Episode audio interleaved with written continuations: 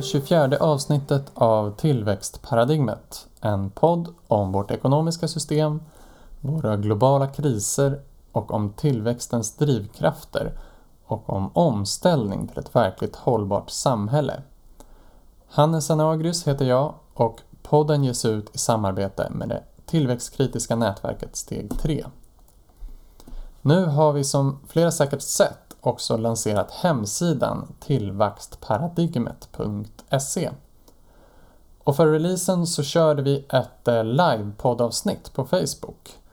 Det handlade om missförstånd i tillväxtdebatten med miljöforskaren Mikael Malmeus.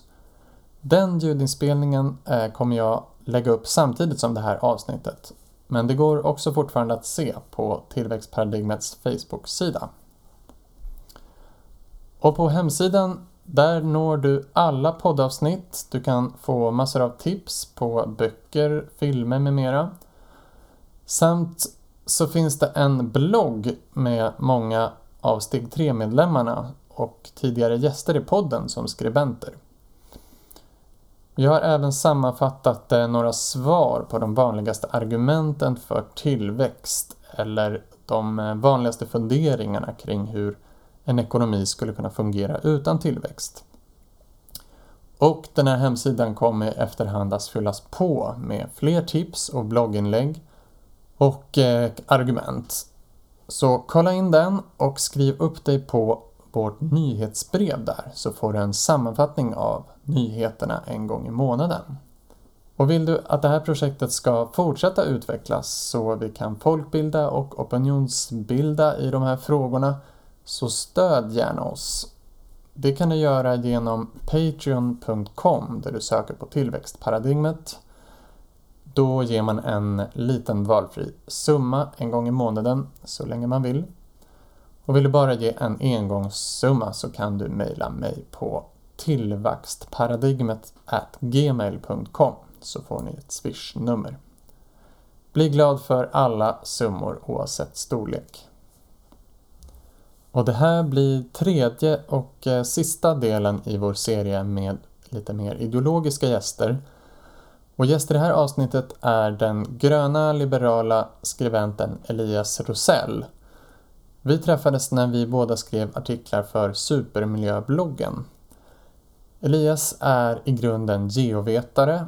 Han jobbade tidigare för Miljöpartiet men lämnade sedan partiet, vilket vi kommer in på. Han är nu eh, ledarskribent på Östersunds-Posten och har skrivit för olika tidningar, jobbat för den liberala gröna tankesmedjan Fores och även jobbat för den politiska paraplyorganisationen The European Liberal Forum i Bryssel. Jag bjöd in Elias för att få med det gröna liberala och mer ekomodernistiska perspektivet. Elias har argumenterat för att teknikutveckling är det viktigaste medlet för att motverka klimatkrisen och den ekologiska krisen. Han har också kritiserat miljörörelsen och den gröna rörelsen för att eh, kategoriskt avfärda tekniker som han menar har stor potential som lösningar, såsom GMO och kärnkraft. Men innan vi går in i vårt samtal som eh, likt de flesta senaste samtal var digitalt kan sägas så tänkte jag ta upp ett eh, perspektiv som jag tycker kompletterar fokuset på eh, teknikutveckling. Nya uträkningar från Climate Tracker visar att trots ordentliga skärpningar i klimatmålen från bland annat USA efter Bidens internationella klimatmöte och trots ambitiösare mål från EU med en ny klimatlag så är löftena långt ifrån att räcka för att begränsa temperaturökningen till 1,5 grader. Med tanke på att vi nu 2021 återigen verkar öka utsläppen i världen ser det också väldigt svårt ut att klara att minska utsläppen tillräckligt snabbt för att klara 2-gradersgränsen också.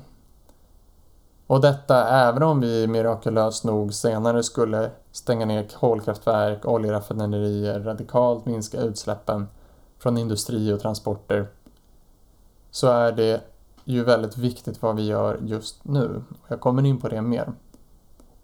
Samtidigt har det visat sig att glaciärer smälter snabbare än vad man tidigare trott och att även två graders uppvärmning på många sätt är en katastrof. För att då inte tala om ännu varmare scenarier. Men FN har också släppt en annan rapport som är intressant. Och om den togs på allvar så kunde den ge hopp om att åtminstone klara tvågradersmålet. Rapporten handlar om växthusgasen metan.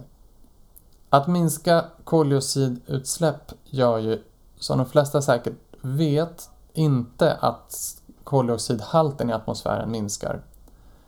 Och det beror ju på att koldioxid inte bryts ner utan den stannar i atmosfären.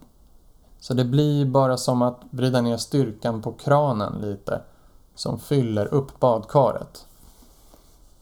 Det enda sättet att få bort koldioxid från atmosfären är om vi skulle suga upp mer koldioxid än vad vi släpper ut. Men även om vi skulle plantera miljontals träd idag så skulle inte det ge effekt förrän längre fram i tiden. Och det skulle inte väga upp de enorma mängder koldioxid den globala ekonomin släpper ut idag. Även under 2020 då utsläppen minskade rekordmycket på grund av pandemin då. Därför är det så viktigt att vi inte bara har låga utsläpp om 10 år utan att utsläppen redan nu måste ner. Andra växthusgaser såsom metan är däremot mycket mer kortlivade. Metan bryts ner efter cirka 10 år. Det betyder att minskar vi metanutsläppen så minskar metanhalten väldigt snabbt. Eller egentligen direkt. För att det försvinner ju hela tiden metan från atmosfären. Och det är just metanutsläpp som den här rapporten handlar om. Enligt rapporten så kan de globala metanutsläppen som orsakas av människan minska med 45 procent till 2030 med relativt enkla billiga åtgärder. Och därmed skulle den globala uppvärmningen kunna minska med cirka 0,3 grader på 10 år. Alltså inte utsläppen utan själva uppvärmningen. 0,3 grader kanske inte låter så mycket men det är en enorm skillnad för jordens ekosystem, jordbruk, skogar och för glaciärer och tundror som är farligt nära sin tipping points där de alltså börjar självsmälta eller bidra till uppvärmningen så att de smälter sig själva. Och hur skulle vi kunna minska metanutsläppen då? Metanhalten i atmosfären har ökat stort de senaste decennierna och är idag på en rekordnivå. Av de mänskligt orsakade metanutsläppen kommer det mesta från jordbruket, cirka 40 procent. Och där framför allt från köttproduktionen. Men nästan lika mycket kommer från fossilindustrin, 35 procent. Och från avfall, 20 procent. Inom fossilbränsleindustrin kommer metanen från läckage vid utvinning, produktion och transporter. Och den här FN-rapporten visar att i fossilbränslesektorn skulle åtgärder att minska metanläckage betala sig själva för att de skulle göra sektorn mer effektivare också. Men vi vill ju inte att fossilindustrin ska bli effektivare. Inte på att föra ut fossila bränslen på marknaden i alla fall. Men det visar att det är eh, rätt enkla åtgärder som kan få stor effekt. Nedlagda kolgruvor till exempel skulle kunna fyllas med vatten för att undvika metanläckage. Fracking också, att man pumpar ner vätska i berggrunden så att den spricker för att då få upp eh, fossilgas. Det är en stor källa till metanutsläpp. Man vet väl inte riktigt hur stor i nuläget. Men fracking förorenar ju också dricksvatten, det kan sprida radioaktivitet och eh, ge risk för jordbävningar. Så där finns det väldigt mycket att tjäna på att stoppa fracking. Inom jordbruket nämner rapporten att man kan täcka över gödsel på olika sätt och odla andra risarter då risodling släpper ut mycket metan. Men de nämner också minskad köttkonsumtion. Som ni säkert vet så släpper idisslande djur ut metan när de äter och bakterier i deras magar bryter ner födan. Och det gör att eh, kor är en stor källa till metanutsläpp. Och det är den största källan inom eh, matproduktionen.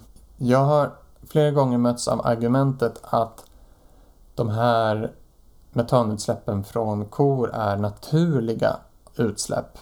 Eh, det är lite liknande argumentet att förbränning av trä och biobränsle är naturligt då det tas upp av nya träd som växer upp. Och det har vi ju gått igenom tidigare. Och här, på samma sätt så pekar man här på att metan försvinner från atmosfären i samma, i samma takt som det fylls på från korna. Och det är ju sant, men därför menar de att det inte är något problem för den globala uppvärmningen. Men man kan ju gå in på till exempel SLUs hemsida där de pedagogiskt beskriver olika växthusgaser. Där skriver de att mindre metanutsläpp innebär mindre global uppvärmning. Så det här bygger ju på att människan har tillfört enormt många kor till världen. Om de idisslande vilda djuren som fanns innan mänsklig civilisation släppte ut lika mycket metan, det vet jag inte, det kan ju någon få upplysa mig om. Jag tvivlar dock på att det skulle vara så eftersom våra boskap, i synnerhet kor, ju har blivit så enormt många i världen så att de har ju inte bara konkurrerat ut andra idisslare som till exempel bufflar och bisonoxar som förut gick runt och betade. De har också konkurrerat ut tusentals andra vilda arter. Dessutom har jag förstått att nettoeffekten på klimatet blir ganska annorlunda beroende på om det är frigående jordar som rör sig eller om det då är som det mycket är nu, kor som står största delen av tiden och blir matade med foder. Biomassan för alla människans boskap, där den största delen är kor, uppskattas till 60% av vikten för alla landlevande däggdjur som finns på jorden medan alla vilda däggdjur tillsammans bara utgör 4% av den biomassan. Men det spelar egentligen ingen roll om vi har fler metanrapande djur nu än innan mänsklig civilisation. Det viktiga är att om vi minskar antalet kor i världen så minskar metanhalten i atmosfären. Sen kan man komplicera det lite. Det finns också forskning som visar att naturbetande kor som får röra sig över större områden kan ha en positiv nettoeffekt för klimatet genom att de binder kol som gynnar gräsens rötter och förmåga att binda kol. Men jag vet inte om det är klarlagt att det här kompenserar helt för metanutsläppen. Hur som helst vore det nog omöjligt att ha lika många kor som idag i världen som naturbetare, naturbetande kor, för det skulle krävas enormt mycket mark. Men absolut kan eh, ett färre antal betande djur ha en viktig roll för både klimat och biologisk mångfald. På samma sätt om vi minskar avverkningen av skog och låter fler skogar stå kvar, antingen fortsätta växa eller bara stå, så kommer mer kol vara bundet i växtlighet och mark än idag istället för att finnas i atmosfären. Och avverkar vi mer för uppeldning så kommer mer kol istället finnas i atmosfären och bidra till global uppvärmning. Om vi kraftigt skulle minska konsumtionen av kött och mejeriprodukter skulle dessutom det här frigöra enormt mycket mark eftersom köttproduktion kräver ju mycket mer mark än vegetabilisk produktion. Och då kunde vi plantera träd och ge tillbaka till den krisande biologiska mångfalden. Så det här är alltså ingen teknikförändring utan en viss livsstilsförändring som dessutom skulle förbättra många människors hälsa och minska sjukdomar som cancer och med mera. Metanutsläpp från mark kan vi också till viss del påverka. Vi kan på många håll minska plöjning inom jordbruket då det frigör metan från marken men också lustgas som är en superstark långlivad växthusgas. Till exempel kan vi odla fleråriga växter. Och när man kalhugger skog med tunga maskiner så frigörs också metan och lustgas. Det finns ju mycket skonsammare sätt att bruka skogen på, såsom kontinuitetsskogsbruk. Även trålning inom fisket har visat sig frigöra massa växthusgaser från havsbotten jag vet eh, dock inte riktigt vilka växthusgaser, om det är metan eller koldioxid eller vad det är. Men en studie i Nature visade att det kan handla om lika mycket utsläpp som all världens flygtrafik. Helt enkelt skulle vi utan att det direkt minskar levnadsstandarden kunna få ner metanutsläppen rejält och snabbt bromsa klimatkrisen. En liknande åtgärd är att kraftigt minska flygandet. Det minskar inte bara koldioxidutsläppen utan även den så kallade höghöjdseffekten, alltså vattenångor från jetmotorerna som samlas högt upp i atmosfären. Det ger en, eh, en direkt minskning av växthuseffekten och motverkar därför global uppvärmning direkt. Så alltså, förutom relativt enkla åtgärder så kan livsstilsförändringar bromsa klimatkrisen. Om de rikaste i världen, som är de som flyger allra mest och äter mest kött, tvingades göra en livsstilsförändring som knappt skulle göra att de fick särskilt mycket sämre liv. Det finns ju massor av god vegetabilisk mat och att resa med tåg är ju också härligt. Då skulle vi inte bara minska koldioxidutsläppen utan också bromsa den globala uppvärmningen. Dessutom pekar rapporten på att minskade metanutsläpp också skulle ge andra positiva effekter. Metanutsläpp skapar marknära ozon som leder till astma och förtida död för hundratusentals människor. Och försämrar dessutom skördar i jordbruket. Så mindre metanutsläpp skulle alltså leda till bättre hälsa och bättre skördar. På samma sätt som mindre fossilförbränning också har massor av hälsofördelar. Då luftföroreningar ju skulle minska. Okej, okay, det var det jag tänkte säga. Eh, nu kommer samtalet med Elias. Tjena Elias! Vad roligt ja. att du ville vara med. Hallå! Ja, kul att du bjöd in mig. Ja. Eh, jag, vi har haft lite olika, lite mer ideologiska gäster på senaste tiden så jag tror att, eh, ja, jag tror att du kan bidra med lite nya perspektiv. Eh, men vad håller du på med just nu i ditt liv? Eh, just nu är jag ledarskribent vikarierande sådan på Östersundsposten och det kan sägas centerpartistisk ledarsida. Eh, men i det sammanhanget så, så, kan, så, vill jag också säga att jag i samtalet inte representerar uh, ja, Östersundsposten eller, eller något parti eller någon organisation. Ja, jag, jag, är, inte medlem, jag är inte ens medlem i något. Nej, just det. Men tidigare Eh, har du varit medlem i eh, Miljöpartiet och lite aktiv där?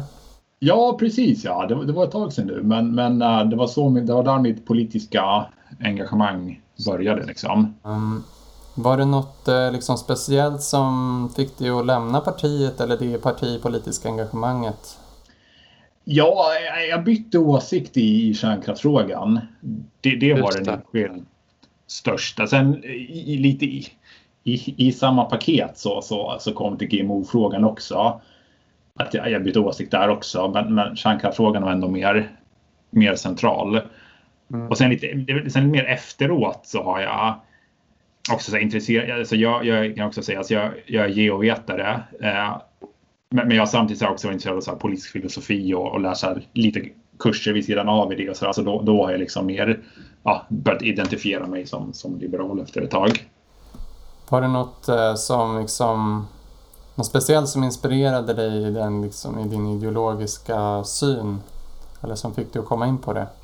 Alltså, det, det var mer en gradvis process. Det var inte som alltså, varför jag lämnade Miljöpartiet till exempel. Det, det var ju mer konkret. Då, då fanns det så här, men det fanns en, en fråga där jag bytte åsikt och, och, och, den frågan var så viktig så det blev svårt att vara kvar. Mm. Jag tror också att jag märkte, för att jag, jag kom på, på många sätt skulle jag ändå säga från, från en väldigt så här um, alltså både alltså en grön bakgrund mm. och eh, alltså både med att jag själv har varit engagerad i Miljöpartiet men även med, med, min uppväxt och så. Mm.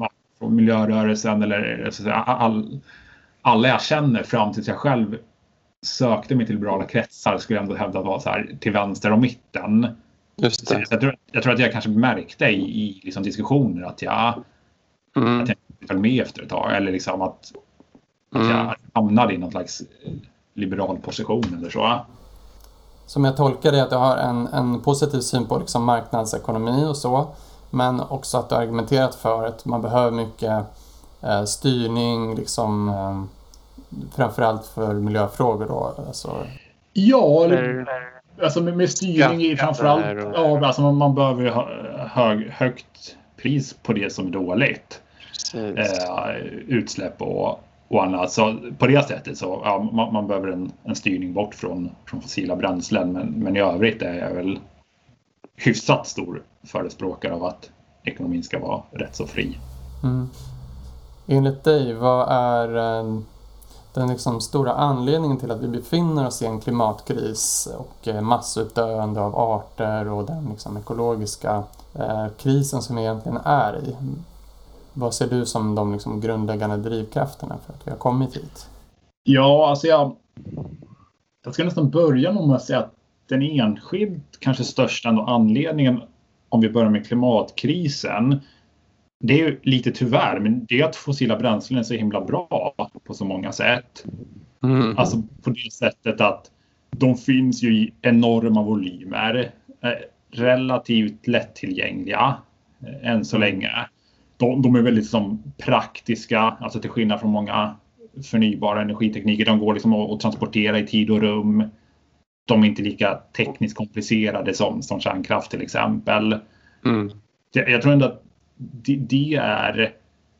Och sen, sen är det klart, sen har det i sin tur har det gjort vissa företag och vissa stater väldigt mäktiga och det har de staterna då ibland använt på ett fult sätt för att liksom försvara sin egen position genom att sponsra klimatförnekare och, mm. och eh, hindra konkurrenter i elbilar och så. Men, mm. men det skulle jag ändå säga är mer en följdeffekt av, att det, av det faktum att fossila bränslen mm. har, har så många bra egenskaper. Men, men, men liksom, som en djupare drivkraft, jag ser det mest som en, som en bieffekt utifrån en, en strävan att eh, ja, ha det bättre eller, eller förbättra, förbättra mm. vardagen eller så. Liksom. Mm. Ja men intressant. Mycket av min utgångspunkt och tanke är väl att liksom det är vårt ekonomiska system som det ser ut nu som att den liksom kräver ackumulation och mer och mer avkastning och då, då driver in liksom i ekonomin att den behöver mer och mer resurser och mer och mer energi och så. Men det är intressant att se det också från andra synpunkter att vi har väldigt mycket energi tillgängligt som du nu sa, fossila bränslen. Och det kan jag väl också se att det är liksom just att det, det finns och vi har tekniken har uppstått också mycket på grund av att det finns så mycket energi tillgängligt. Det förstärker ju varann liksom. Men jag ser det väl mycket som att det är ett historiskt specifikt ekonomiskt system som uh, har så snabbt påverkat jorden på det här sättet. Liksom. Mm. Ja, precis. Men jag kan ändå lite mm, fundera utan att ha något färdigt svar Mm. Alltså utifrån det, utifrån det faktum att vi fick teknik eller, eller skapade teknik som gjorde att vi kunde utvinna all den här fossila energin. Mm. I, och, och att vi behövde energi, alltså världen hade en jättestor energibrist in, innan vi upptäckte fossila bränslen. Eh, I vilket ekonomiskt system skulle vi, skulle vi ha avstått från det? Eller mm. avstått till en hyfsat stor del eller ja, mm. kanske lite svårt då. Det är en bra fråga. Alltså, så jag... Se att det skulle kunna hänt. Jag ser det kanske inte som att vi har alltid haft brist på energi. Alltså, det har ju varit en bristsituation för många människor i historien. Men jag tror mer att det har att göra med liksom samhällssystemet, att det har varit väldigt ojämnt fördelat. Att, eh, de fattiga har inte haft tillgång till jordbruk, den bra jordbruksmarken och sådär. Och sen det är klart att det har varit liksom slitigare förr i tiden för att vi inte har haft eh, den tekniken vi har. Liksom. Och apropå teknik då så har vi tagit upp eh, i podden eh, en del om att liksom, den här övertron på teknik som lösning på miljöproblem men du har ganska mycket en inställning att tekniklösningar är väldigt centrala för att kunna lösa de här ekologiska kriserna. Och du har också argumenterat i en del texter att, eh, att rädslan för teknikutveckling kan också vara ett problem, att den kan låsa fast oss kanske vid vissa tekniker och att eh, liksom rädslan för tekniken skulle kunna förhindra en grön omställning. Om jag förstår det rätt. Du får gärna utveckla. Ja, precis. Det, det är liksom anledningen till att jag tänker att teknikomställning är det absolut viktigaste för att, för att lösa miljöproblem. Eller om man börjar med, med klimatfrågorna, klimatkrisen, så, så är min utgångspunkt att vi kan inte banta bort klimatkrisen. Alltså vi, vi kan inte banta bort de 87 procent av världens energi som, som består av fossila bränslen. Mm. Eh, det, det, tror jag nog egentligen att de, de allra flesta är överens om. Vi, vi, mm. vi kommer inte gå, vi kommer inte gå ner till att bara använda de, de övriga 13 procenten eh, mm. som är fossilfria och, och därmed minska vår, liksom, världens totala energianvändning med, med, med nästan 9 tiondelar. Mm. Och, och, och framförallt så liksom en större, alltså en, med, med ökad befolkning och, och en, eh, vad det mest ändå tyder på förhoppningsvis, rikare värld om man säger år 2050. Jag har, jag har oerhört svårt att se att, att den världen skulle använda mindre energi än, än vad världen idag gör. Mm. Även om vi i Sverige, vilket inte behöver vara fel, även om vi skulle minska mm. vår, påverkan lite grann per person man säga, eh, centerpartistisk ledarsida. Eh, men i det sammanhanget så, så, kan, så, vill jag också säga att jag i samtalet inte representerar uh, ja, Östersundsposten eller, eller något parti eller någon organisation. Uh, uh, det är i alla fall en åsikt som jag har att även vi i Sverige måste öka vår elproduktion kraftigt om vi ska mm. klara klimatkrisen för att kunna ersätta eh, kol, exempel i stålverkningen och, och fossila bränslen i, transportsektorn. Mm. Och då, då, då tror jag nog att i fattiga länder kommer man ju behöva öka elanvändningen ännu mer.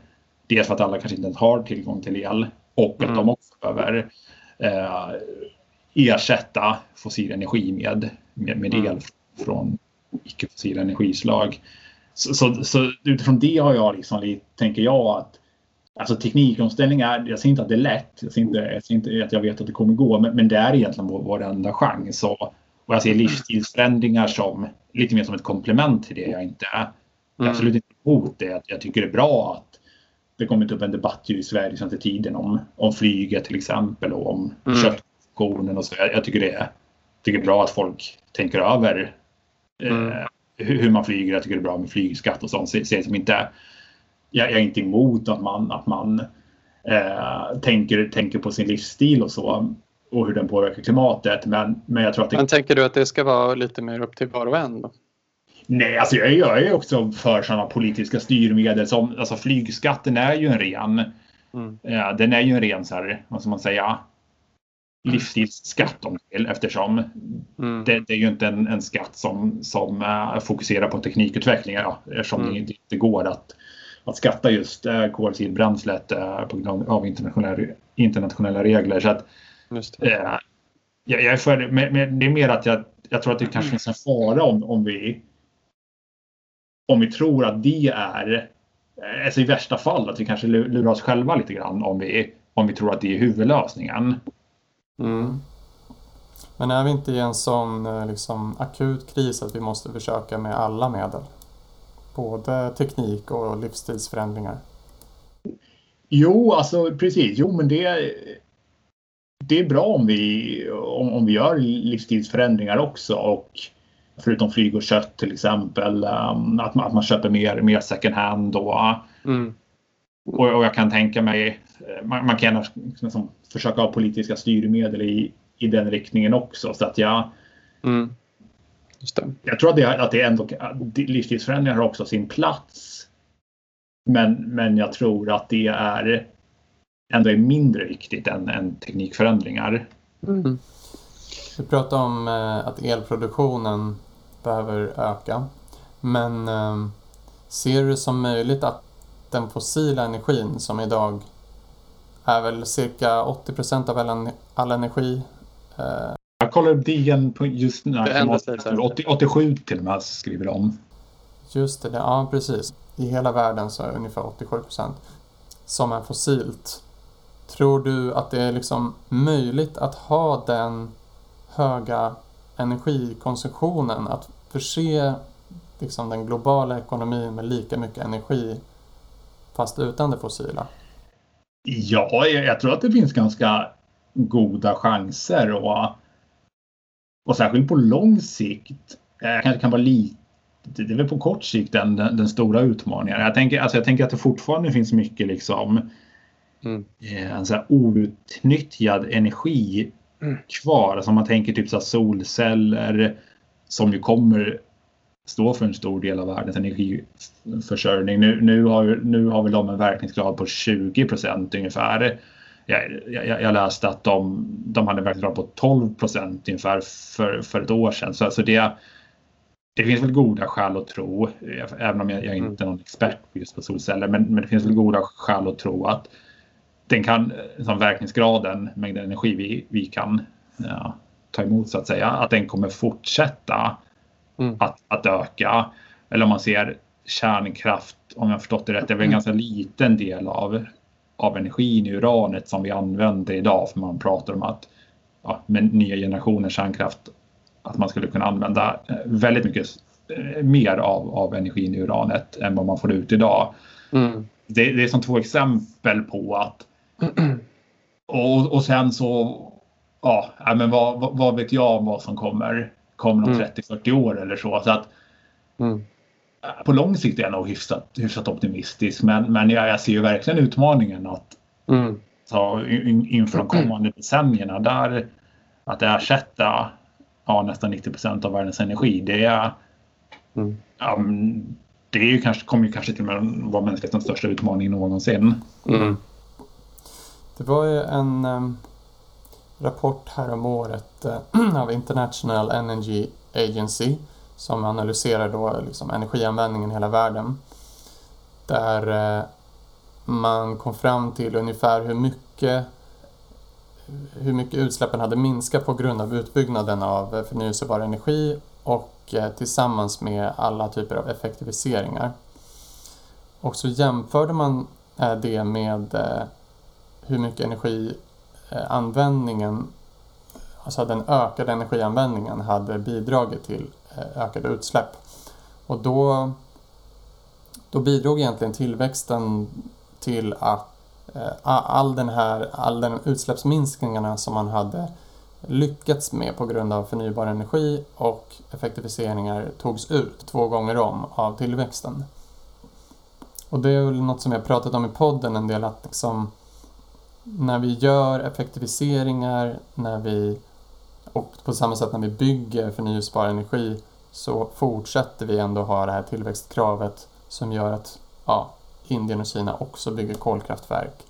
Utsläppen ökar i alla fall. Så hur ser du på den problematiken? Liksom?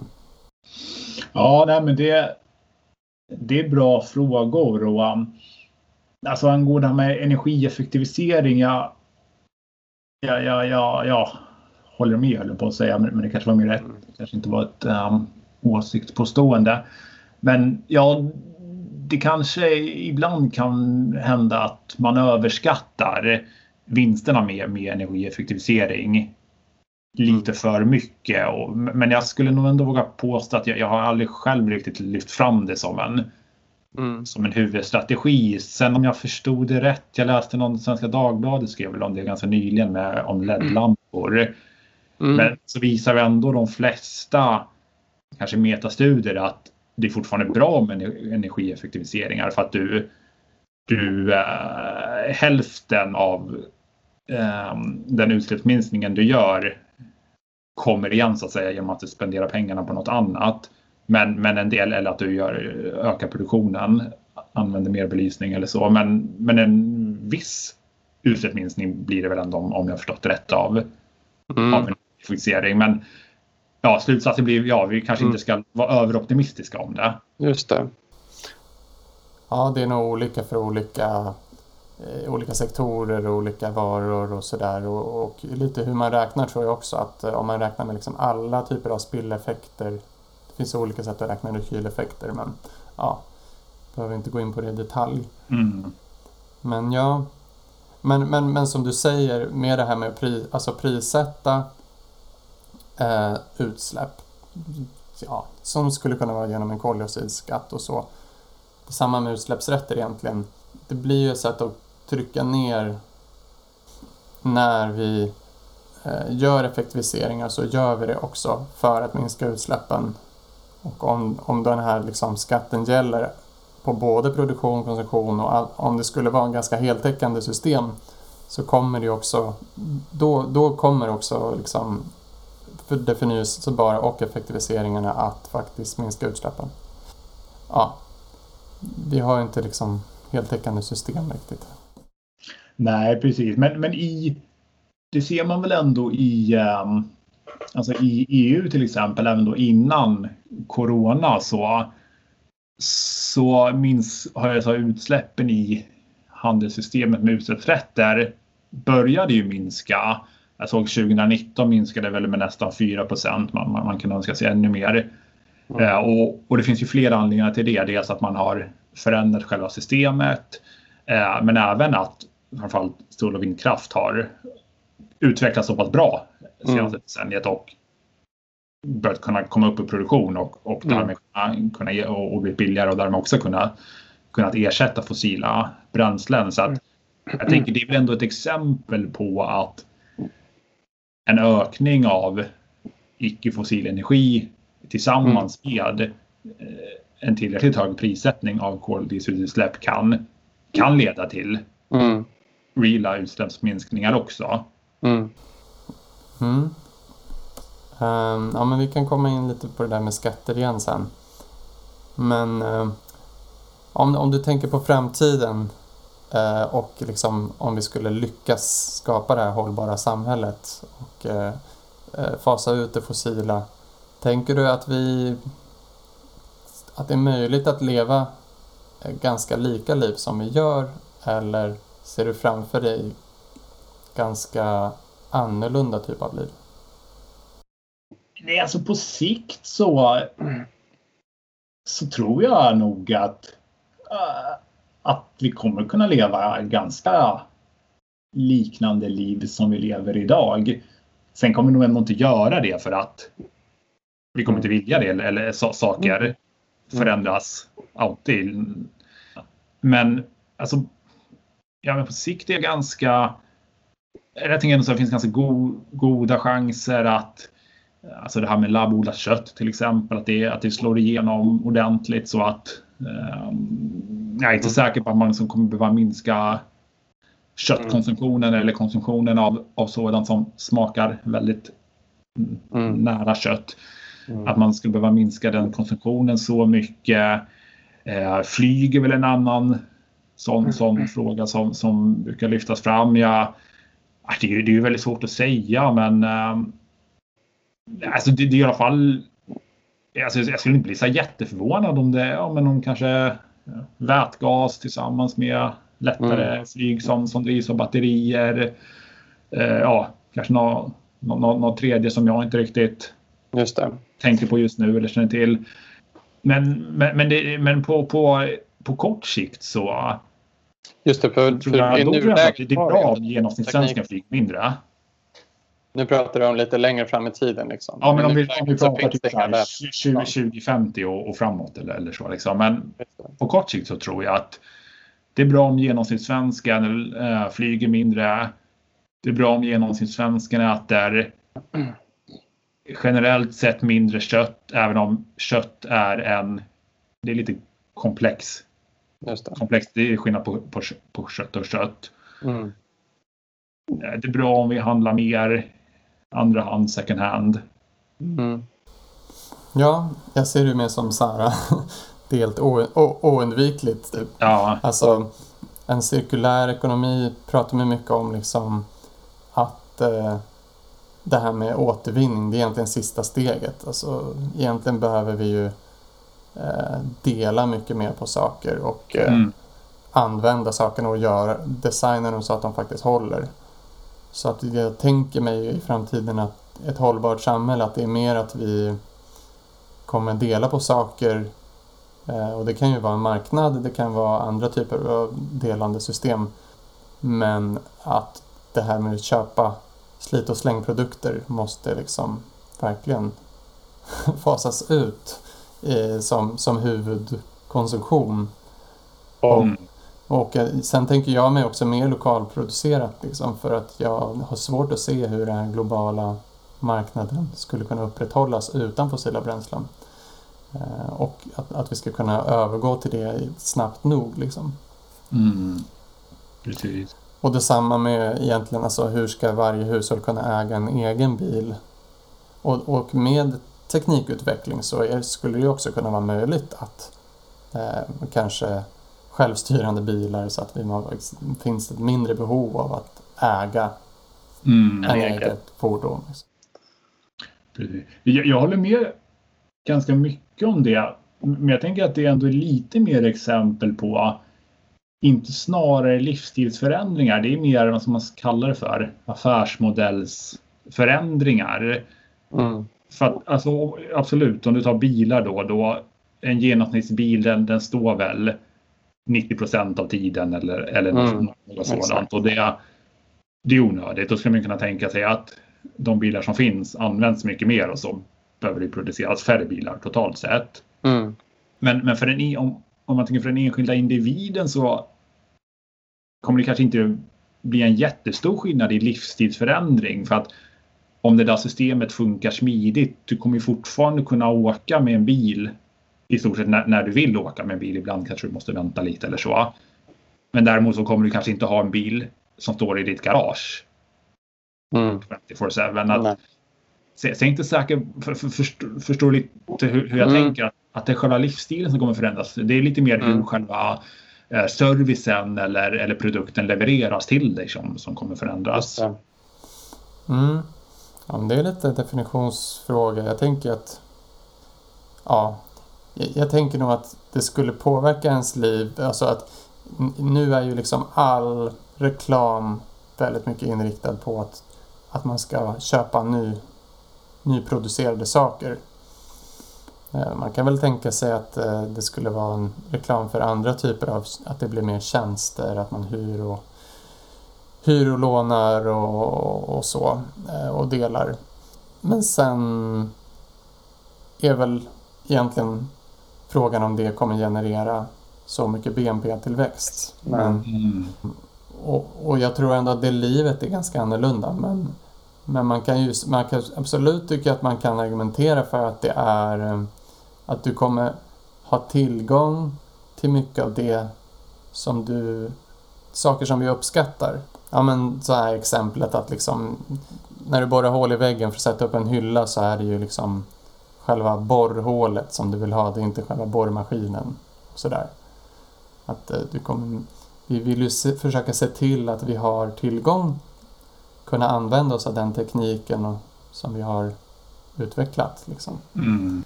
Men på ett annat sätt. Ja, precis. Eller att vi måste kanske inte per automatik äga den alltid. Nej. Nej, det, det är liksom.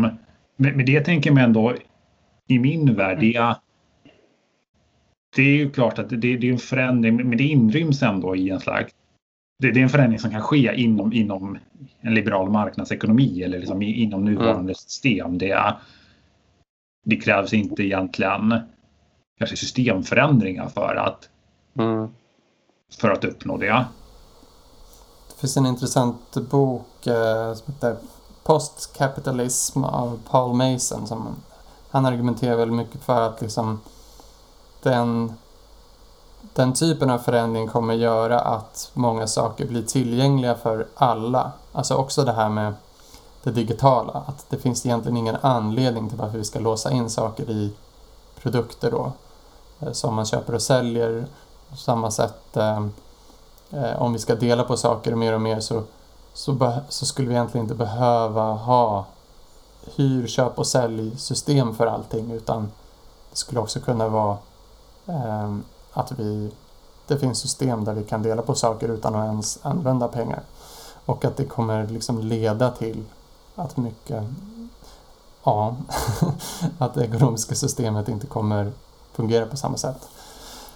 Men ja, Ja, det, det är intressant, men det är Mm.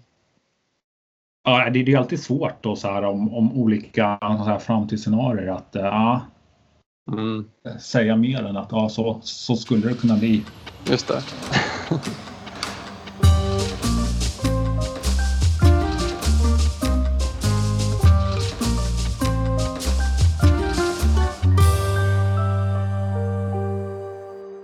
Om vi går in på en eh, relaterad fråga då.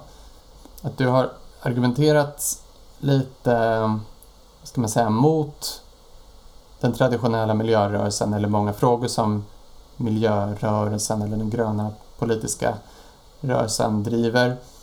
Eh, som till exempel kärnkraft och som du var inne på, GMO och eh, kanske även ekologisk mat. Men, men generellt kanske att eh, miljörörelsen favoriserar vissa typer av eh, tekniker eller lösningar på miljöproblem. Men eh, att de kanske inte då lyssnar riktigt på eh, den stora bilden från forskningen. Stämmer det? Ja, det, det, delvis. Och nog, alltså jag tycker ändå att det tydligaste exemplet är ju ändå GMO-frågan. Jag, har liksom... Jag har, jag har ändå större förståelse och, och jag har kanske större respekt. Alltså för exempel folk, folk som är emot kärnkraft och, och, och ekologiskt eh, mat eller inte. Det, det är inte... Tycker det är, det är inte en lika kanske enkel fråga men men jag tycker ändå att det är ganska uppenbart att, att miljörörelsen hamnade helt fel faktiskt i, i GMO-frågan. Alltså när man har liksom att när, när situationen blir så här att det var ju över hundra Nobelpristagare som skrev ett nästan desperat vädjande brev till, till Greenpeace om att så här, ah, sl, sl, sluta sprida här. Det, det, det, det är helt felaktigt. Det gör, det gör jättestor skada det ni sprider.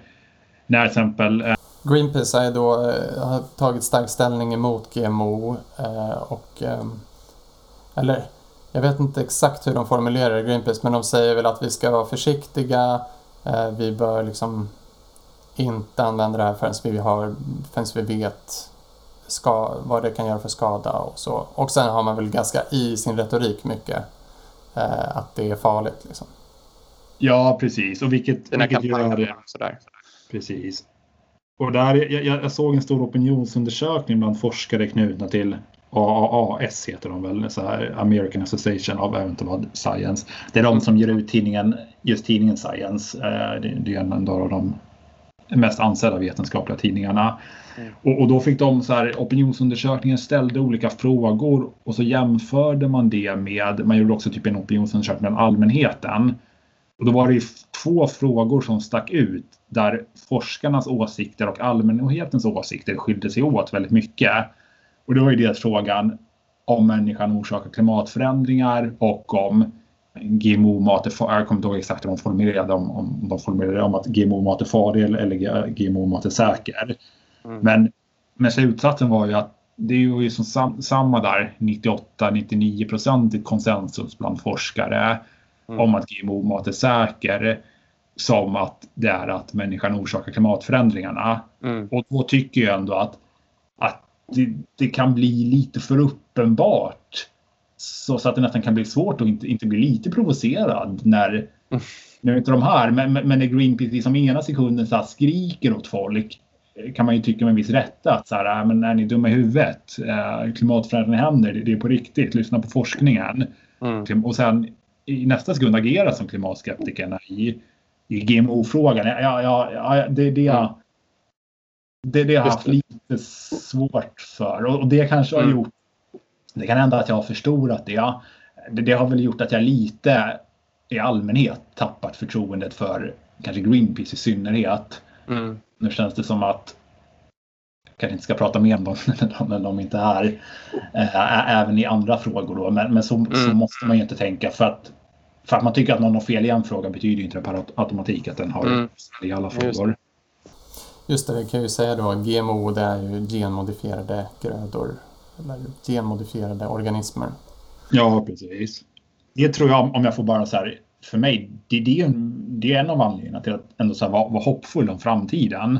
Mm. Att det finns så extremt, jag brukar varje år så kommer eh, Gentekniknämnden, det är en myndighet som bevakar, de kommer med en så här forskningsrapport varje år om vad som hänt i forskningen. Mm. Det skulle jag säga, alla som känner sig lite nere, vilket man gör ibland över, över världsläget och alla, alla negativa nyheter. Det skulle jag säga som kontrast så, det, det, är en bra läsning. Man, man, det är ju fantastiskt mycket spännande som, mm. som, som sker kopplat till, till gentekniken som...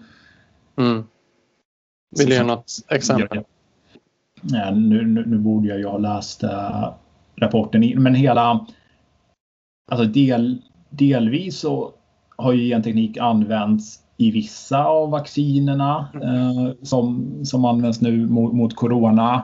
Mm. Och eh, även i vissa av de här, eh, det som kallas, vad säger man, växtbaserat kött. Det är inte mm. GMO-innehåll, men det, det var lite komplicerat. Det var väl att man använde GMO i själva processen. Mm. Uh, men uh, jag ska inte gå in mer på de tekniska detaljerna nu när jag inte har dem riktigt i, i, men, i huvudet. Men det kan väl sägas som Greenpeace och miljöorganisationer att de är väl inte emot genteknik eller att man forskar på genteknik? Alltså jag är inte... Det är ju så jag uppfattar i alla fall till, till, mm. till just Greenpeace. En andra del av miljörörelsen, typ Naturskyddsföreningen så här, har, har ju varit mer, mer nyanserade.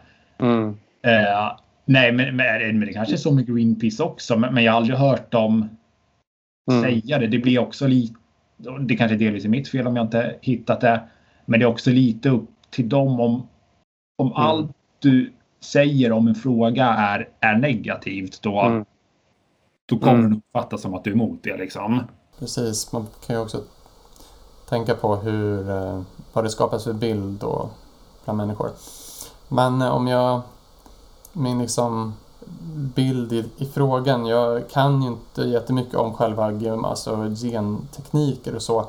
Och jag håller ju med dig att man bör vara nyanserad och att eh, det känns som väldigt relevant att forska på.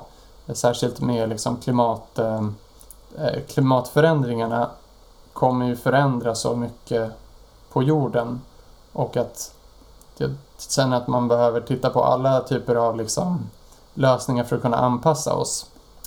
Samtidigt så tänker jag väl att det är en lite, vittnar om en liten inställning till naturen, att vi liksom kan styra den och kontrollera den mekaniskt. Och, och det kan ju stämma, vad ska man säga, om man tittar på en lokal plats och så. Men att vi just lever i de här liksom socioekologiska systemen som är väldigt, väldigt komplexa. Och att vi ofta i, i historien har skapat, genom att försöka lösa ett problem, och skapa ett annat problem. Ehm, men det behöver inte betyda att det är fel att liksom använda själva GMO-tekniken kategoriskt så. Men problemet som jag ser det är väl snarare att vem äger de här teknikerna? Att just nu är det väldigt få väldigt stora bolag som äger de här patenterna och använder dem kanske inte för att Alltså man har ju pratat mycket om att det ska vara ett sätt att minska världssvälten till exempel.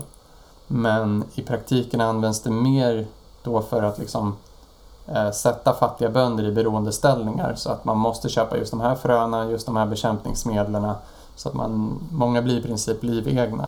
Så det är väl mer hur man använder tekniken, tänker jag, som man borde kritisera. Mm.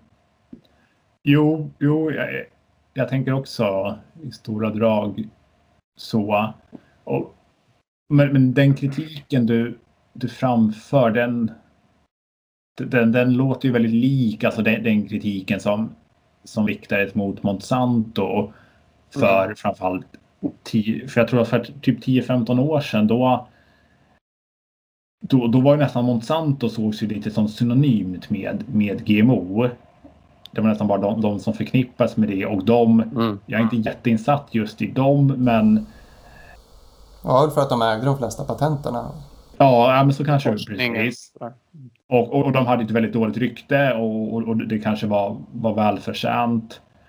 Men nu har det ju hänt mycket sedan dess utan att jag har nästan stenkoll. Men men om man läser då till exempel Gentekniknämndens årliga rapport om, jag, jag, kan inte ens komma ihåg att Monsanto nämns längre. Det är Mm. massor av olika företag eller organisationer eller universitet och så vidare som, som sysslar med det. Så att, att det har kanske blivit en större så här, må- mångfald och startups av olika slag och, Mm. och så. Så att En annan konkurrenssituation. om man, Men i- om man för mycket förknippar, blandar ihop tekniken med, med ett specifikt företag. Ja, men jag tänker att det inte bara är ett specifikt företag utan också det är principen att man skapar en ny organism. Man, man tar egentligen patent på en ny organism. Och att, det, liksom, att vi ska kunna äga det, det är ju någonting nytt egentligen. Tidigare har man inte kunnat äga och liksom ha patenträttigheter på saker som vi, naturliga saker som organismer som vi behöver för överle- vår överlevnad. Liksom. Jag ser en ganska stor risk att det missbrukas. Ja, jo, jag förstår väl. Jag förstår nog vad du menar. Även om jag, jag har inte hört talas om, men det måste ju inte betyda att de inte finns. Jag, jag har inte hört talas om så många sådana problem sen, säg senaste fem åren som det, det var jättemycket fokus, alltså typ på 00-talet. Då var det jättemycket fokus på, på, på just den här frågan med Mm. eh, bönder som blev utsatta mm, på, på grund av patent och så. Men, men ja, det, det kanske finns idag utan, utan att jag känner till det och, och, och det skulle kunna finnas i framtiden hur som helst. Mm. Så absolut, det är någonting som, som, som man bör tänka på. Men jag vet inte riktigt om det behövs några specialregler just för GMO där. Det, det är ju mer en, en allmän fråga, alltså hur, hur ska vi se på patent? Är det Mm. rimligt att ha patent? Mm. Eh, I så fall hur, vilket jag kanske ändå kan tycka att det är, men, men framförallt då hur länge är det rimligt att ha patent? Absolut, det är, Mm. det, det, det är en svår och viktig fråga. Det är det ju andra, alltså om vi Mm. pratar vaccin eller, eller så också. Verkligen. Eh, så, som vi nog måste, som vi har all anledning att fundera över oavsett Mm. om Jo. det skulle finnas GMO eller inte.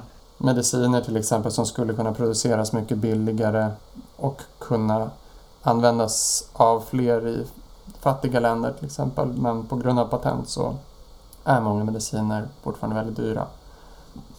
Men, eh, men jag, jag känner att GMO och det här med kritiken som har varit mot ek- ekologisk matproduktion, de liknar lite varandra för det är någon slags utgångspunkt att, att vi måste, man tänker sig att vi måste öka produktionen av mat. Vi blir fler, fler människor på jorden, det finns folk som svälter och då är slutsatsen att liksom vi måste producera mer mat. Men vi producerar redan mer mat än vad vi behöver. Det slängs jättemycket mat och det är snarare att vi behöver fördela den bättre. Att vi, alltså det här med att det skulle krävas liksom mer mark för att producera lika mycket mat med ekologiska metoder. Alltså dels att man ska kunna fortsätta använda bekämpningsmedel och monokulturer och konstgödsel. Det gör ju att vi, det minskar ju det som i längden gör att vi kan odla mat, alltså levande matjordar och levande ekosystem. Men också det här med att det blir lite konstigt att prata om brist på mark när vi hälften av all jordbruksmark går åt till köttproduktion eller biobränslen. Och den liksom, marken skulle kunna försörja tio gånger fler människor. Så att jag ser att det är inte riktigt det som är det stora problemet. Nej, jag förstår.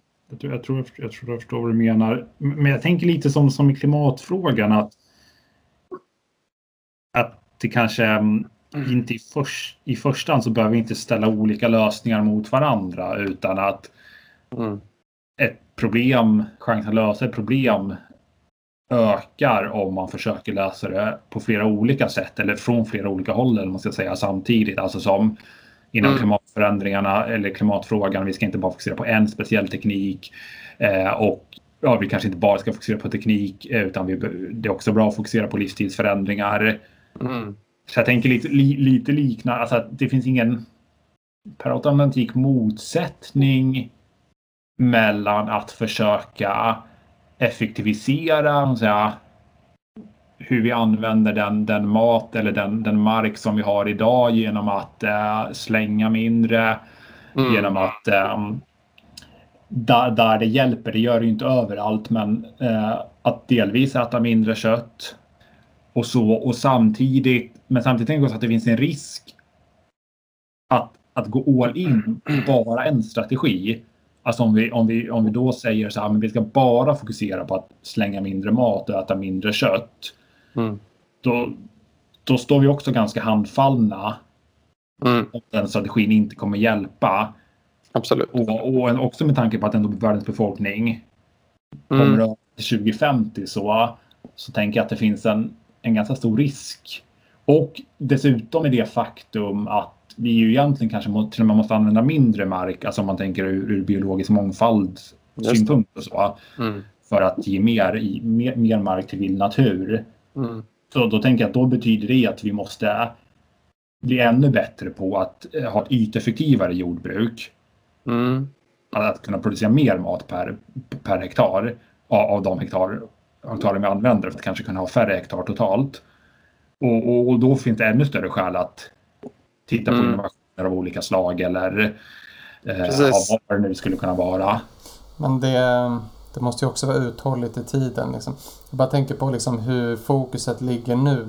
är ju mycket att GMO-grödor kanske man designar dem för att de också ska klara monokulturer, de ska klara bekämpningsmedel snarare än att de ska klara en typ av jordbrukssystem som skulle vara hållbart för ekosystemen med mer mångfald och där jordarna kan hålla över tid. Ja men detsamma med liksom vad man riktar de finansiella flödena liksom Bill och Melinda Gates Foundation som satsar väldigt mycket på GMO-lösningar och eh, ett mer moderniserat liksom, industrijordbruk i Afrika. Medan kanske för de som faktiskt lever och brukar jorden är kanske mer problemet att det kommer in stora bolag och tar deras mark. Att de, de, de, det är kanske inte snarare att vi ska producera mer så är det att man ska ha tillgång till sin egen jordbruksmark. Tusentals hektar går åt till att eh, odla snittblommor till Europa liksom, för att det ska då sippra ner lite inkomster till folk. Jag tror att vi skulle behöva slänga mycket mindre mat om vi hade mer lokal produktion. Och då skulle det minska svälten även om vi kanske inte skulle få ut lika mycket output alltid. Mm. Nej, men alltså, ja, det är klart att det, det är ett stort problem om, om folk blir av med sin mark på, vad ska man säga, tvivelaktiga sätt. Men, men återigen, jag kanske inte ser liksom en motsättning mellan att förstärka äganderätten i afrikanska länder och samtidigt satsa på säga, ett, ett mer innovativt jordbruk. Som även, av, även ur rent miljösynpunkt, det finns ju mycket spännande tänker jag som Alltså typ det här med precisionsjordbruk till exempel. Att man, jag är inte någon expert på det, men, men att man har liksom Man övervakar sin sin mark eh, med, med, med sensorer och så, så, så att man man vet eh, vart det behöver vattnas, vart det inte behöver vattnas. Eh, vart man eventuellt måste lägga konstgödsel, vart man inte behöver lägga konstgödsel. Så, så att man på det sättet skulle kunna få ut Mm. lika mycket mat men använda Ja, det blir ett sätt att använda resurserna på, på ett mycket mer effektivt sätt. Mm. Att sånt liksom... Ja, jag tänker att, att alla kanske Mm. borde det oavsett vad man har för åsikter i, i andra frågor som, som är kopplade till, till jordbruket. Mm. Så att det finns liksom... ehm, alltså att, att det här med innovation, det, det ligger inte bara i, i någon slags storbolagens intresse utan det finns Mm. även från en rent mil- miljösynpunkt så finns det mycket Mm.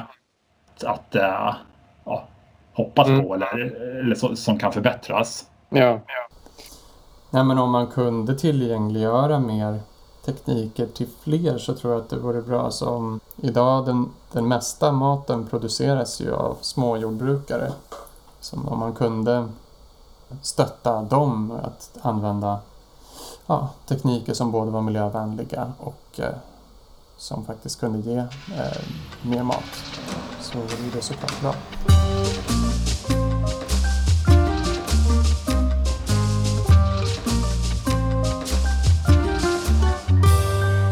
Ska vi gå in på kärnkraft också? Ja, Ja. Mm. För det, som du sa var det en stor anledning till att du ja, dels kanske kritiserar en stor del av miljörörelsen och att du lämnade Miljöpartiet. Ja, precis. Och det hänger ihop med då det som du pratade om innan, att vi skulle behöva mer el helt enkelt för att elektrifiera samhället. Vill du utveckla det här lite? Ja, det, dels hänger det ihop med det. Men sen så även om vi inte skulle behöva mera el så behöver vi ju totalt sett så behöver vi fortfarande väldigt mycket mer fossilfri el. Mm. Eh, och, och där så äh, ser det som um, ja, i, ja, om man ska som hårdra det, när, när världen nästan håller på att gå under på, på grund av, som jag ser det, brist på fossilfri el så, Mm. så ska vi, ja, då, då ska det väldigt mycket till för att vi ska frivilligt avsäga oss möjligheten att använda fossilfri el. Och jag tycker inte att kärnkraft är...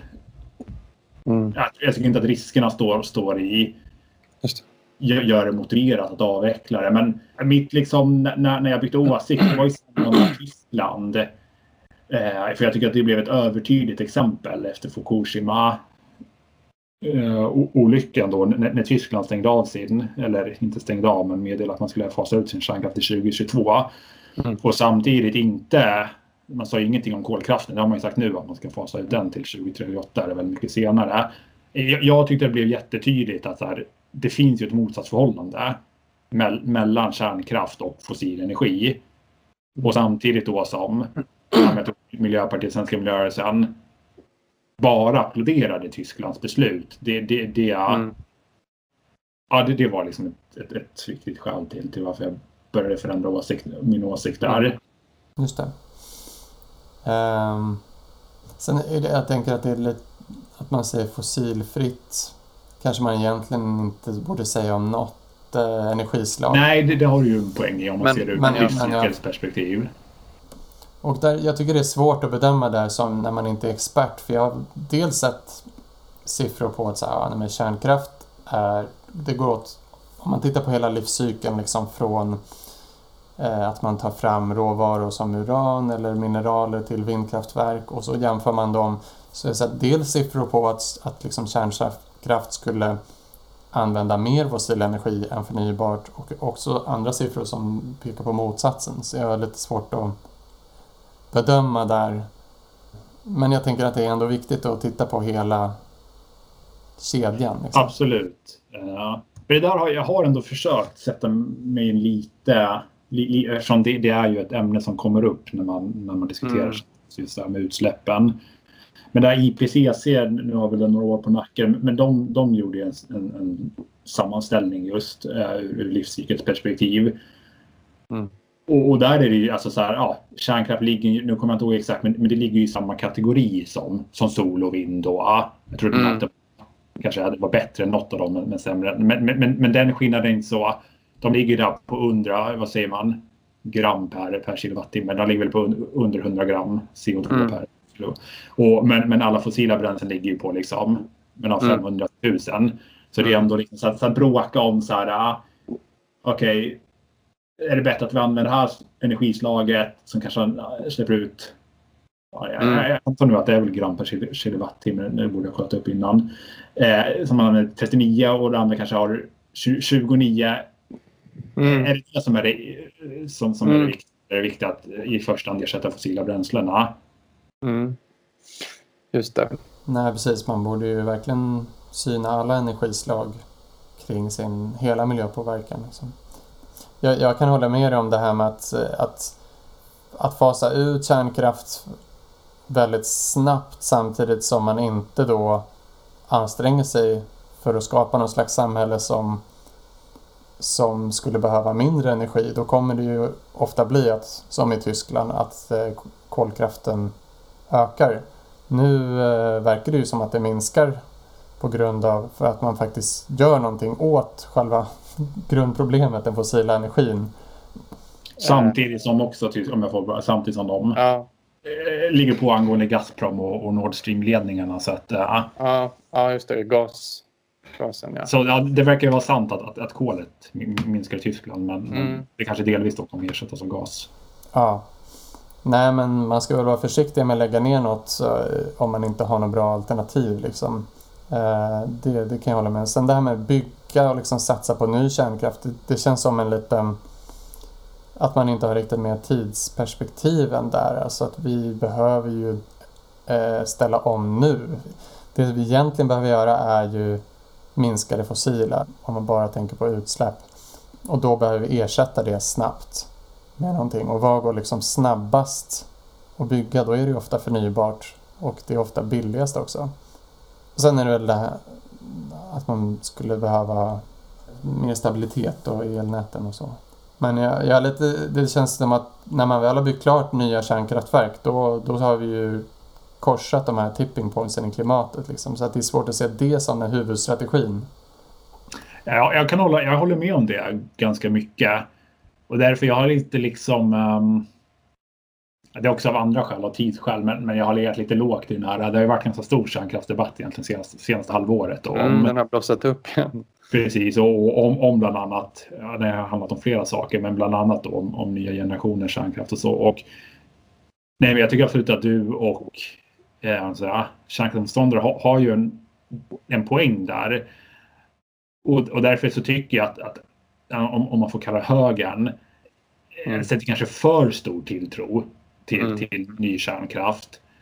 Som du säger, vi, vi, allting tyder ju på att vi, vi måste minska utsläppen ganska mycket nu, nu på, innan 2030. Mm. Om vi inte gör det så måste vi vara extremt, vara extremt framgångsrika när det gäller koldioxidintagning efter, efter 2030. Mm. Och, och, där eh, kommer ju ny kärnkraft inte eh, kunna hjälpa till speciellt mm. mycket. Så att, ja, det är lite konstigt så här typ. Alltså nu har det varit mycket fokus på den här oljeeldningen som Sverige har i sitt reservkraftverk mm. där i Karlshamn. Och, och, ja, det, det, det, det, är inte oproblematiskt och, och, och så. Så, så det, är väl bra att fokusera på det delvis. Men det är lite konstigt när om säger, högern fokuserar extremt mycket mer på det än all olja som används i transportsektorn. Ja. Som ju, nu har inte jag de exakta siffrorna, men, men det överstiger ju vida den oljan som man använder. Ja.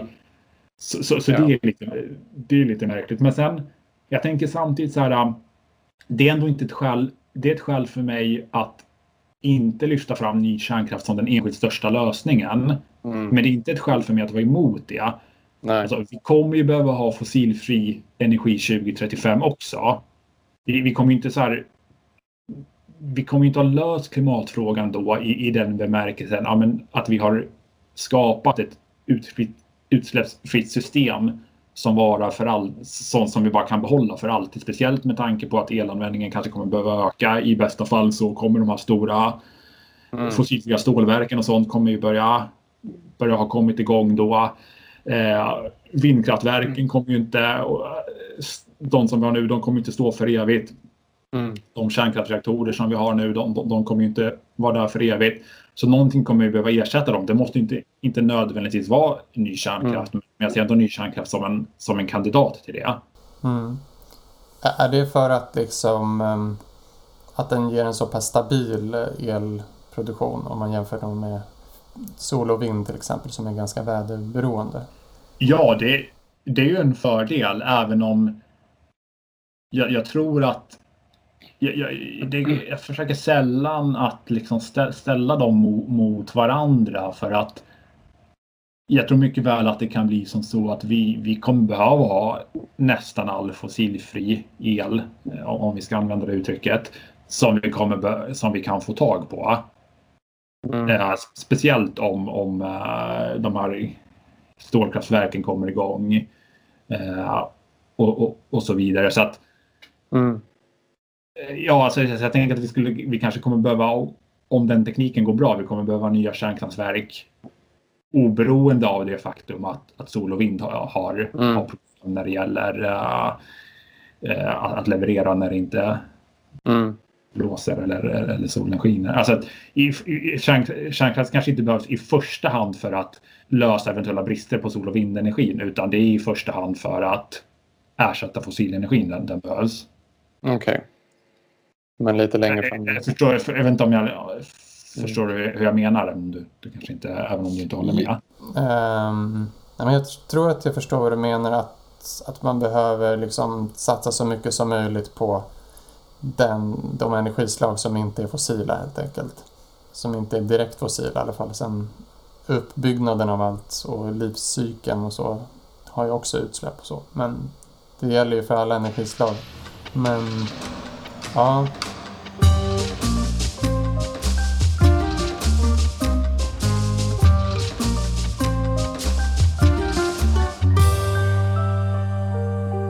Men eh, en, en, ska vi gå in på en relaterad eh, fråga som, du, som jag sett att du lyft då i ditt skrivande.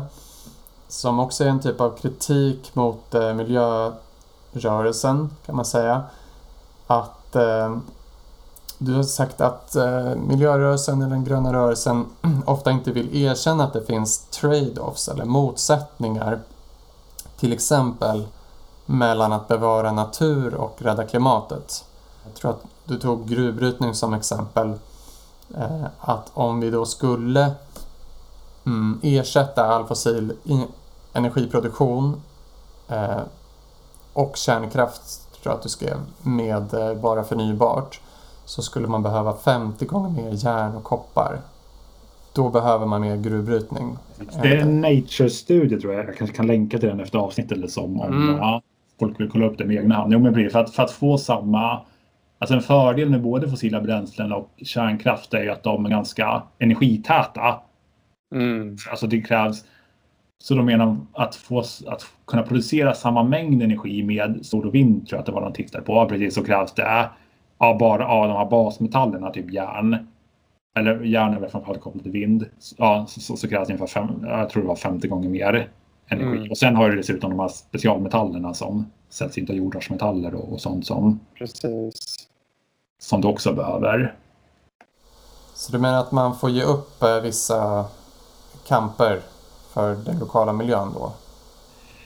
Ja, delvis. Eller man måste i alla fall nog vara lite beredd att, att kompromissa. Eller för att, eller jag, jag, bara, jag, jag är rädd annars att, att det blir så här att okej, okay, vi säger nej till kärnkraft på grund av de, de eh, riskerna som vi precis har pratat om. Eh, vi säger nej till kanske mer i alla fall bio och vattenenergi på grund av, av påverkan på biologisk mångfald. Mm. Och sen så kommer vi och sen säger vi i praktiken också nej till så mycket mer sol och vindenergi och batterier. För att vi säger nej till gruvbrytning. Mm. jag är lite rädd för det scenariet. Och, i, och slutsatsen av det, det kommer ju, det kommer ju oljebolagen att jubla över. Det är, mm. de, de kommer fortsätta vara ohotade om vi har väldigt mycket striktare krav på icke-fossil mm. energi än, än vad vi har på den nuvarande. Mm. Sen betyder det liksom, jag säger inte att det är en enkel fråga. Jag säger inte att man ska um, bygga gruvor överallt där det finns uh, resurser och sånt. Men någonstans, jag kollade upp det faktiskt, vi har bara 12 öppna gruvor i Sverige. Det skulle jag mm. kalla klimatproblem, att vi har så få. Mm. Ja, gruvor har ju väldigt stor påverkan på den eh, lokala miljön. Men dels tänker jag, tror, tror att det är en stor, eh, en stor risk att sådana lokala miljögrupper faktiskt kan stoppa den utvecklingen. Eh, att man gör stora infrastruktursatsningar i förnybar energi och elektrifiering och, och så vidare. Ja, delvis i alla fall om de, om, om, om de blir liksom mer framgångsrika. Mm. Alltså, det har vi redan lite sett. Alltså när det gäller vindkraft. Där har ju kommuner veto, vetorätt, vilket jag, jag kan tycka att ändå är principiellt rimligt. I alla fall när det handlar om väldigt stora vindkraftverk eller, eller parker. Men, men det har ju stoppats.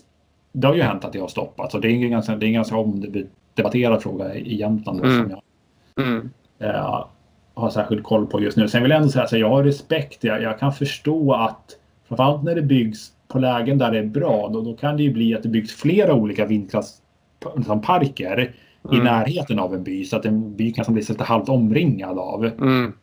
alltså, alltså, när man ser de bilderna, det, det, jag har förståelse att det kan ju också hänga ihop med att man liksom inte ser så mycket att det ger särskilt mycket nytta till bygden. Liksom. Jag har pratat om det tidigare att man får inte så mycket del av den liksom, vinsten som den här energin ger. Och så. Nej, precis. Nej, jag tror att man av, av pragmatiska skäl skulle behöva införa, jag har inte den exakta modellen framför mig, men någon form av alltså lokal beskattning eller så på Mm. både när det gäller gruvverksamhet och, och när det gäller vindkraft. För att, ja, det kommer inte lösa konflikten helt och hållet, men, men det kommer ändå kanske mi- minska konflikten. Mm. Men, men framför ännu mer ser jag, ännu mer vindkraft ser jag nog när, när det gäller gruvor. Där, det är också delvis förståeligt, men, men det blir väl all, det är väl, det är väl inte en enda gruva som, som kan bli aktuell utan att det blir stora protester. Nej. Och, det, och jag vet inte, men det har väl inte öppnat så himla mycket gruvor i Sverige senaste decenniet eller så. Så, så där tycker jag ändå att det är Ja, det har varit några strider väl. Alltså, Ja, ja. ja, jag, jag, förstår argumenten emot också. Det, det, jag säger inte att det är... Alltså i, I slutändan är det väl... Det är ju miljödomstolen som får, får Just. avgöra om det, om det är tillräckligt säkert eller inte. Men du tänker inte att man ska lätta då på vissa miljökrav för att kunna öka brytning av eh, vissa metaller? Ja, det... Ja, kanske. Men jag har inte någon... Jag, jag har inte något som exakt, exakt förslag. Jag, jag, tycker, jag tycker det är viktigt att... In, inte för mycket i alla fall. Det är ju jätteviktigt att eh, man säkerställer att det inte kommer föroreningar i, Mm. ja, till, till sjö, sjöar. Alltså typ om du tar Norra Kärr då som ju varit diskuterat. Mm. Eller att precis, det är ju tydligen världens fjärde största fyndighet av sällsynta jordartsmetaller. Mm. Så jag skulle då, å ena sidan skulle jag kunna hävda att, för ibland man brukar prata om att det finns riksintressen och då, då är det befogat att köra över äganderätten och så. Men att det här är till och med ett globalt intresse. Att, Just det. att vi, på ett sätt, man skulle kunna säga att vi har en skyldighet att, att bryta, bryta de här metallerna. Men just därför så är det också viktigt att man har höga... Jag skulle nog inte vilja liksom sänka kraven när det gäller riskerna att, Mm. att det någon förorening i vattnet eller så. Liksom. Nej. Sen är det också gruvor, gruvnäringar som liksom inte tar det ansvaret att städa upp och så. Men, men jag tänker det är väl också mycket så här all metallutvinning. Det är inte allt som går till förnybar energi. Det går ju åt till att liksom försörja den här stora globala ekonomin där vi producerar en mängd saker som, eh, som eh, bara ska hålla i något år. Liksom. Datorer och smartphones. Och där pratar man också om att liksom, en smartphone innehåller, vad det nu var, tio gånger mer koncentration av guld än den bästa guldmalmen. Liksom. Man, kan, man skulle kunna cirkulera metaller mycket mer. Absolut. Det, det är ju klart att det måste ju vara första lös, liksom förstahandslösningen. Det är Mm. ju jättedumt att uh, bry, bry, sta- starta gruvor om du kan få fram samma meta- metaller och mineraler genom att, genom att återvinna. Men, men som jag... Det kräver väl mer arbete kanske och sådär. Men ja. Ja, jo, jo, det är inte alltid helt enkelt, men, men, men där är det möjligt. Liksom, att, Mm. äh, men, jag tittar faktiskt på frågan just nu i veckan, för, för den, den är lite, jag har skrivit om den. Det, det är ju, ehm, den är ständigt lite småaktuell i Jämtland när- det gäller alunskiffer. Allt. Ja, till exempel när det säljs inte, det är klart att det är en bedömning som allt om framtiden, men, men då bedömde, jag tror det var i Europakommissionen som tittade på det, de, de bedömde att så här, år 2100 så kan återvinning stå för max hälften av behovet. Okej. Och, det är klart, och det är klart att det, det är en gissning. Vem, vem vet vad behovet är år, år 2100?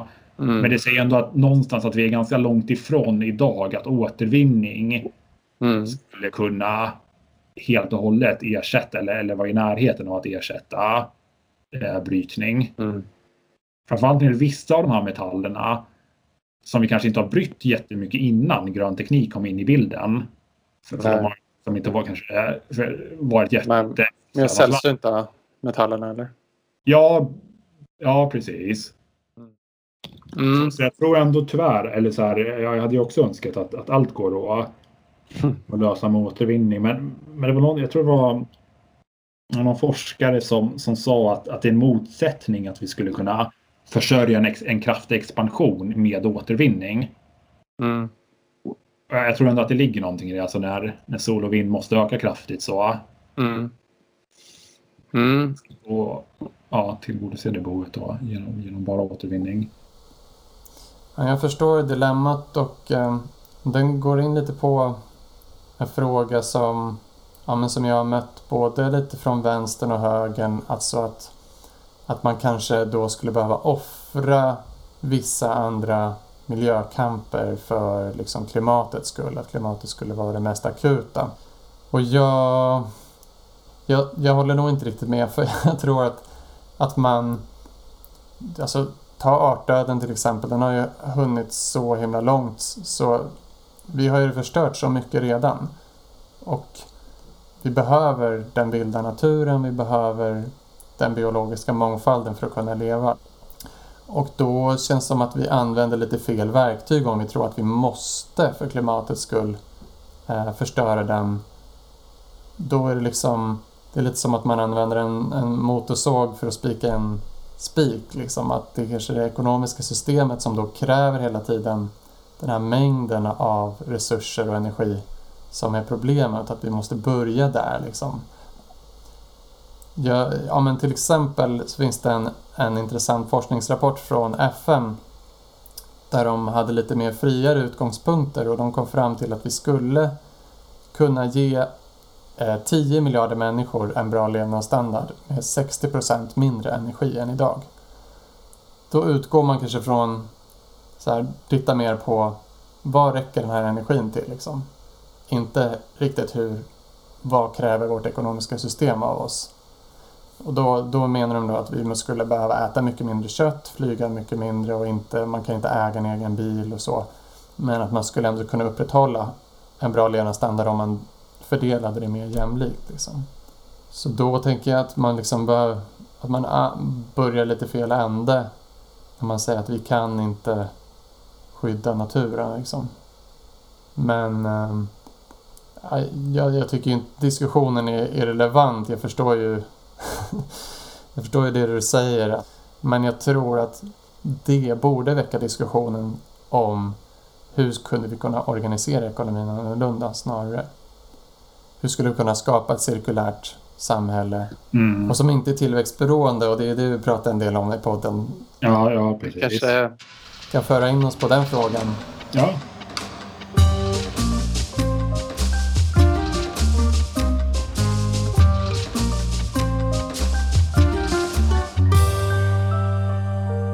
Men lite kort, vad är din liksom, syn på BNP-tillväxt? Och eh, är det någonting som vi måste ha, som vi behöver? Hur länge kan vi ha det och så vidare? Ja, nej, alltså jag tänker, eller framförallt i- om, om vi pratar om rika länder så nej, jag måste tänker jag väl liksom är att ta i. Ehm, men, men däremot så tror jag ändå att om befolkningen ökar så, så tror jag att det leder till problem om, om tillväxten inte ökar. Mm. Alltså om, om BNP per capita minskar, ja, det, jag, tror, jag tror i alla fall att det finns det finns nog risker med det i alla fall. Ehm, Men sen om, om, om tillväxten kan växa i o- oändligheter, det är ju en eh, det är ju det är en jättesvår fråga, men alltså jag tror inte att det det beror på vad, vad menar man är- verkligen med oändlighet? Menar man ända till, eh, till, till solen exploderar eller menar man liksom mm, det var 300 år eller alltså ja, det Mm. blir lite definitionsfråga. Men, men, men egentligen som, som jag, jag, är- jag är inte säker på i alla fall att eller långt ifrån säker att tillväxten inte skulle kunna fortsätta öka under hyfsat lång tid framåt. Alltså jag har aldrig varit så här jätteengagerad i frågan, va- varken att så här, inte så att mitt politiska engagemang baseras på att Sverige ska öka sin tillväxt. Men jag har heller inte varit, eh, vad ska man säga, e- engagerad i, i, i, i den rörelse som, som... Ja, precis. Men det som jag har haft lite sådär... Alltså, när det pratas mycket om tillväxtkritik så, så har jag lite tänkt att det är... rimmar lite illa med, med, med mina så här, så här liberala ideal om att människor är fria att göra vad man vill så länge man inte direkt skadar någon annan. Och då mm. tänker jag liksom, med, med antar att du kanske också tänker det, då, då är människor också fria att göra det är en bra princip. eventuellt kommer innebära att tillväxten ökar. Däremot är man inte fri att göra aktiviteter som innebär att utsläppen ökar hur som helst. Nej. Och, det, men, och, därför så är det det som man ska beskatta eller, eller reglera, men, men inte, mm. i, i, inte tillväxten i sig. Att den, mm. den, den, den, den, får liksom, ja, det är viktigt att människor är fria att göra vad man vill och att det finns skatter och annat som reglerar så att man ja, inte gör saker som direkt skadar andra. Mm. Men, men sen förutom det då, då är det inte jätteviktigt om liksom Nej. om tillväxten ökar lite grann eller inte. Nej. Um, nej, det, det är väl egentligen vad liksom BNP-siffran hamnar på. Jag håller jag med om. Det är inte det viktiga så. Det är väl mer att alltså många ekonomer och liberala förespråkare, gröna förespråkare och så som, som vill ha högre koldioxidskatter eller vill att man liksom internaliserar många av skadorna eh, som man gör på miljön i ekonomin. Eh, om man ska ta det de säger liksom på allvar eh, så skulle vi behöva höja skatterna rejält och för att det verkligen ska ge effekt också på konsumtionen på de som konsumerar allra mest. De, alltså det, det är väl dels en jämlikhetsfråga om det ska ge tillräcklig effekt på de som är rikast och som egentligen släpper ut mest genom sin konsumtion så kommer det drabba allmänheten väldigt brutalt om man inte, tänker jag, om man inte förbereder sig för det. Men också kommer det, om man verkligen ska hindra utsläppen och miljöförstöringen tillräckligt snabbt så kommer det också drabba själva den ekonomiska tillväxten och liksom sysselsättningen. Och, och därmed behöver vi förbereda oss genom att designa om ekonomin. Liksom. Ja, precis. Jag vet inte om... Ja, jag, jag, vet inte exakt hur mycket jag tycker man bör designa om ekonomin, men det är i alla fall bra att inte vara oförberedd för, för ett sånt mm. scenario. Men, men jag tänker lite grann att alltså, oavsett vilket ekonomiskt system man har så kommer det skapa turbulens om man på kort tid tar bort 90 procent av världens energi. Alltså, alltså det mm. kommer, alltså, angående det du tar upp om, om risken för, för lågkonjunkturer eller eh, Precis. sådant. Mm. Alltså, så så det, det är absolut en, mm. en utmaning. Och, och, och, det kommer drabba vissa regioner och, och vissa länder och, och branscher mm. extra hårt. Men, men, men, den utmaningen kvarstår lite grann, tänker jag, oavsett vilket ekonomiskt system man har. Så. Mm. Fast, fast man kan ju hantera... Alltså, om man kommer till slutsatsen att, att för att, vi, att det överhuvudtaget ska vara möjligt liksom, att minska miljöförstörelsen och utsläppen tillräckligt snabbt så behöver vi aha, men minska materialanvändning, minska konsumtionen, minska eh, energianvändningen totalt sett. Sen vissa energislag och vissa tekniker och så behöver öka såklart. Eh, men om man kommer till den slutsatsen då behöver man ett annat typ av samhälle eller en annan typ av ekonomisk design i alla fall för att kunna hantera det så inte folk liksom blir arbetslösa och uh, utslagna. Liksom. ja men krishantering kanske eller liksom krisförberedelse kanske är en sak vi kan eh, enas i och prata mer om kanske. Nej men du har ja, också många bra poänger. Eh, så det har varit eh, väldigt intressant att prata tycker jag. Ja, tack, tack så mycket. Det var, det var kul, och, kul att få vara med. Ja. Det är inte jätteofta. Det är ändå kul att få prata om de här lite och tänka lite om de här som säga, större frågorna. Och, ja. så, eller liksom, systemfrågan eller det kan finnas en risk så här, om man håller på med dagspolitik på olika sätt att man ibland kanske kan tappa lite de frågorna eller, eller de mm. eller så. Jo men precis, vårt samhälle är ju mycket så att man är väldigt eh, lite tunnelseende liksom på det som håller på med i nuet och det lokala liksom. Mm. Ja, men eh, Tack, för att du var med. Ja, stort tack. Ja, det var det avsnittet. Kolla in livepoddavsnittet Missförstånd i tillväxtdebatten. Och kolla gärna in hemsidan och följ tillväxtparadigmet på Instagram. Och nästa avsnitt kommer förmodligen handla lite om konsumtionskultur, lycka och livsstil med mera med eh, Göran Hodén som gäst, talesperson för en köpfri dag. Men det blir lite längre fram. Ha det bra så länge. Vi hörs.